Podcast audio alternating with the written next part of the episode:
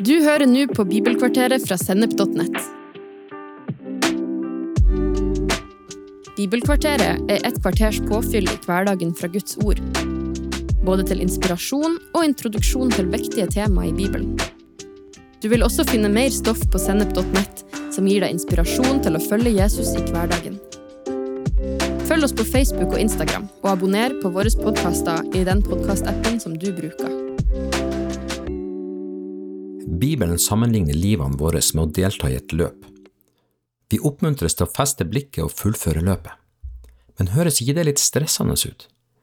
Holder det ikke at vi tror på Jesus, leser litt i Bibelen, går på noen møter og for øvrig nyter livet Gud har gitt oss?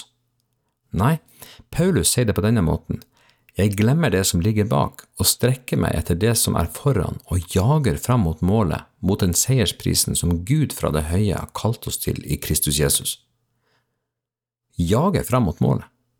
Men jeg trodde jeg kunne hvile i nåden, slippe stress og kav, noe det er mer enn nok av i samfunnet for øvrig.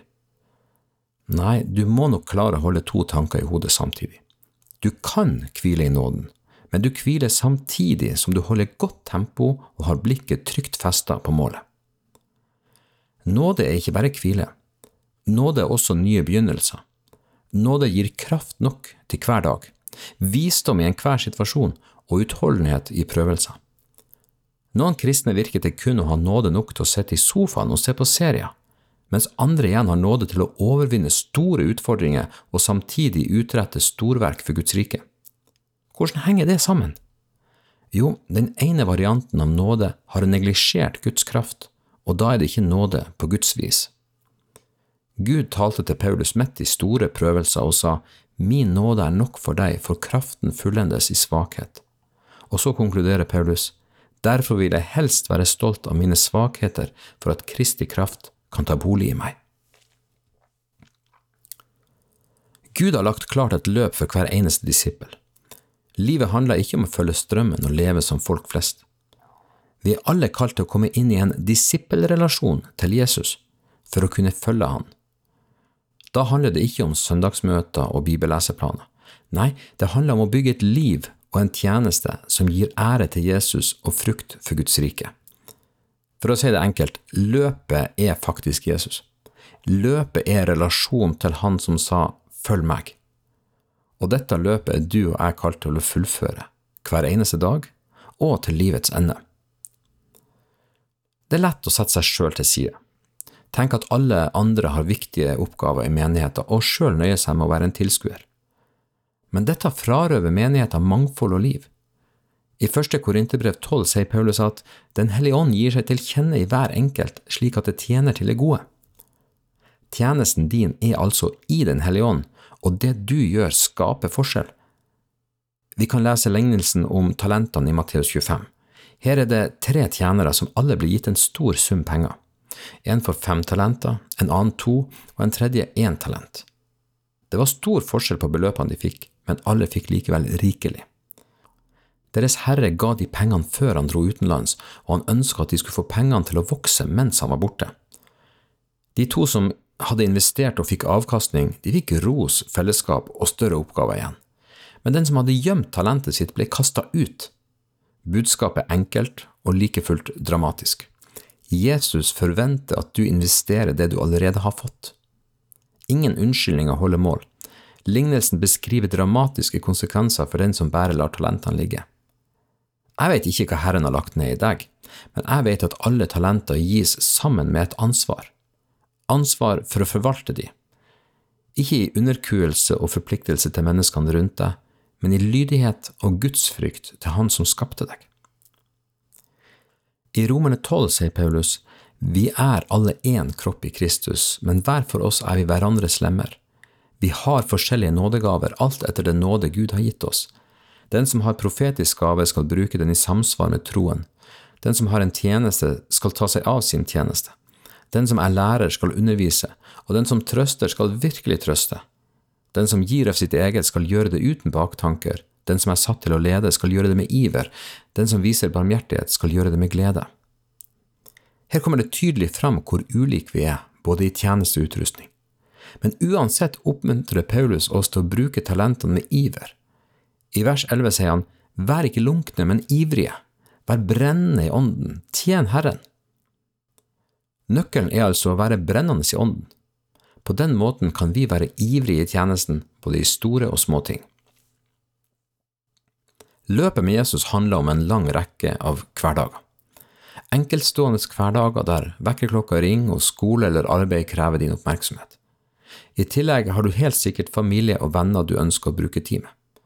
Midt i alt dette sier Jesus, følg meg. Han sier, husk at du har et løp du skal fullføre. Ja, svarer du, men jeg har så mye annet å fokusere på. Da svarer Jesus, jeg vet det, men livet ditt står ikke i motsetning til mitt kall. Jeg vil at du skal løpe sammen med meg, midt i hverdagen. Samtidig som du tar deg av alle de oppgavene og de rollene du har, så vil jeg vinne skikkelse i deg, mer og mer. Overalt hvor du går, vil mennesker se da at du er min disippel. På den måten skal du være mitt vitne, og du skal bringe ære til mitt navn. Du vet, ikke alle er kalt til å bli misjonærer i andre verdensdeler. De aller fleste er vitner der de lever, og inn i sine nære relasjoner. I Salme 127 snakker Salo om vennskapet med Herren. Hør hva det står i vers 1 og 2. Hvis Herren ikke bygger huset, arbeider bygningsmennene forgjeves. Hvis Herren ikke vokter byen, våker vaktmannen forgjeves. Forgjeves står dere tidlig opp og setter dere sent ned og spiser brød dere har slitt for. Det samme gir han sine venner mens de sover. Vennskap med Jesus gir frukter, til og med mens vi sør. Dersom relasjonen med han er frisk, er kalde og oppgavene lett. Dersom relasjonen kjølner, må man tjene i egen kraft, noe som er utrolig slitsomt. Løpet handler rett og slett om relasjon til Jesus, og gjerningene kommer ut fra vennskapet med han. Livet gir oss alle ulike erfaringer, både positivt og negativt. Skuffelser kan føre til motløshet, og fristelser leder til synd og deretter fordømmelse. Relasjonsutfordringer kan gi bitterhet, og helseutfordringer kan skape tvil. Alt dette gjør løpet vanskelig, og vi sliter med å finne veien.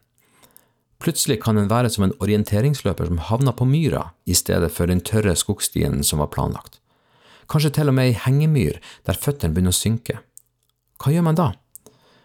Hebreerne 12, 1-2 sier, Derfor, når vi har så stor en sky av vitner omkring oss, så la oss legge av alt som tynger og synden som så lett fanger oss inn, og med utholdenhet fullføre det løpet som ligger foran oss, med blikket festet på ham som er troens opphavsmann og fullender, Jesus. For å fullføre løpet må man feste blikket på Jesus. Dersom du fester blikket på sykdom og synd, vil du aldri komme deg ut av myra. Senere i samme kapittel, vers 12–13, leser vi Derfor styrk de slappe hender og de vaklende knær. La føttene gå rett fram på veien, så det halte ikke blir vridd ut av ledd, men heller blir helbredet. Løsninga er å feste blikket på Jesus, sette retninga på han og begynne å bevege deg igjen. Kanskje du trodde at løpet ditt var over, og at du hadde brukt opp sjansen din. Det stemmer ikke. Bare tenk på din bortkomne sønn.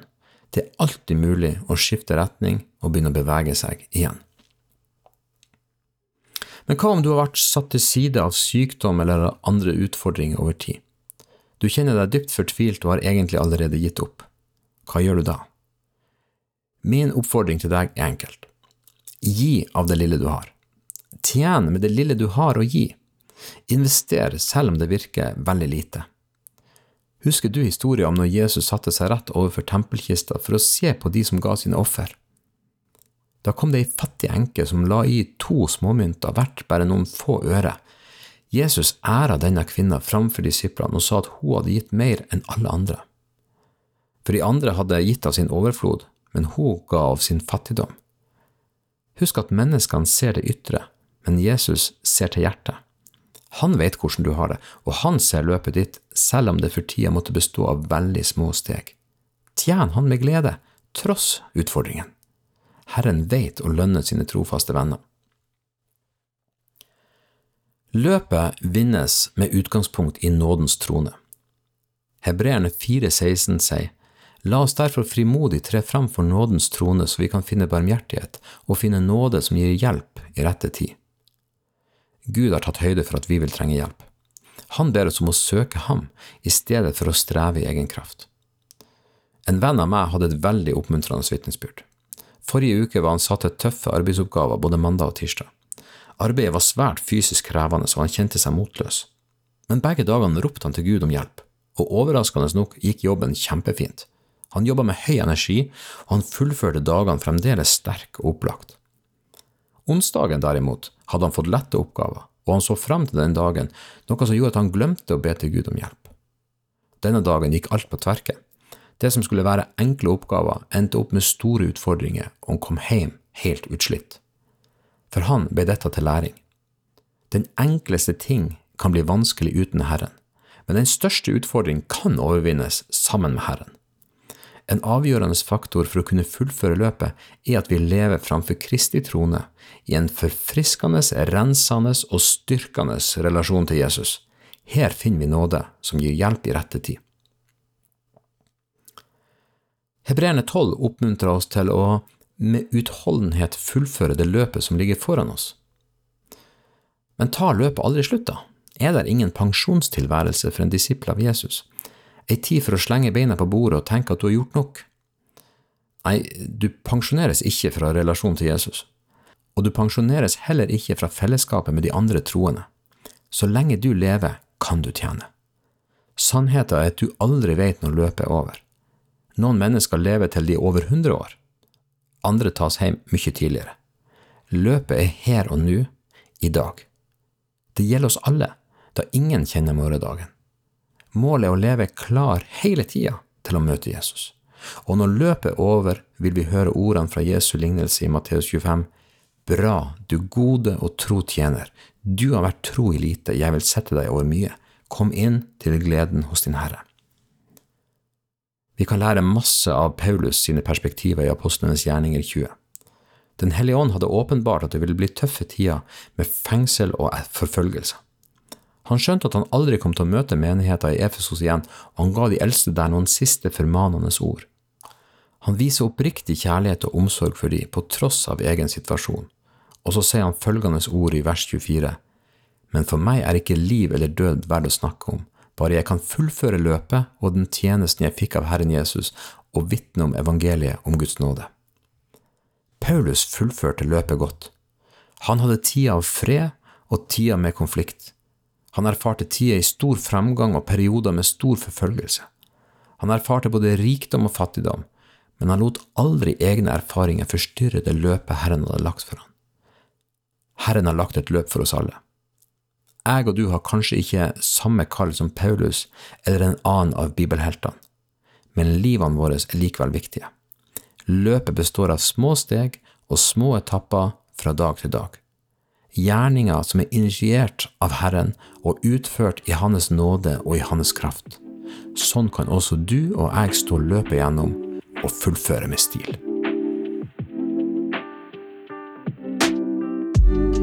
Du har nå hørt en episode fra Bibelkvarteret på sennep.nett. Du vil også finne mer stoff på sennep.nett som gir deg inspirasjon til å følge Jesus i hverdagen. Innholdet på Sennep er gratis og tilgjengelig for alle, takket være økonomisk støtte fra kristent nettverk, menigheter og enkeltpersoner. Du kan også hjelpe oss ved å be for oss, dele innholdet vårt med venner og bekjente, rate podkastene i den podkastappen du bruker, eller ved å gi en gave på VIPS Vips nummer 54 66 68. Takk for at du lytta til sennep.nett.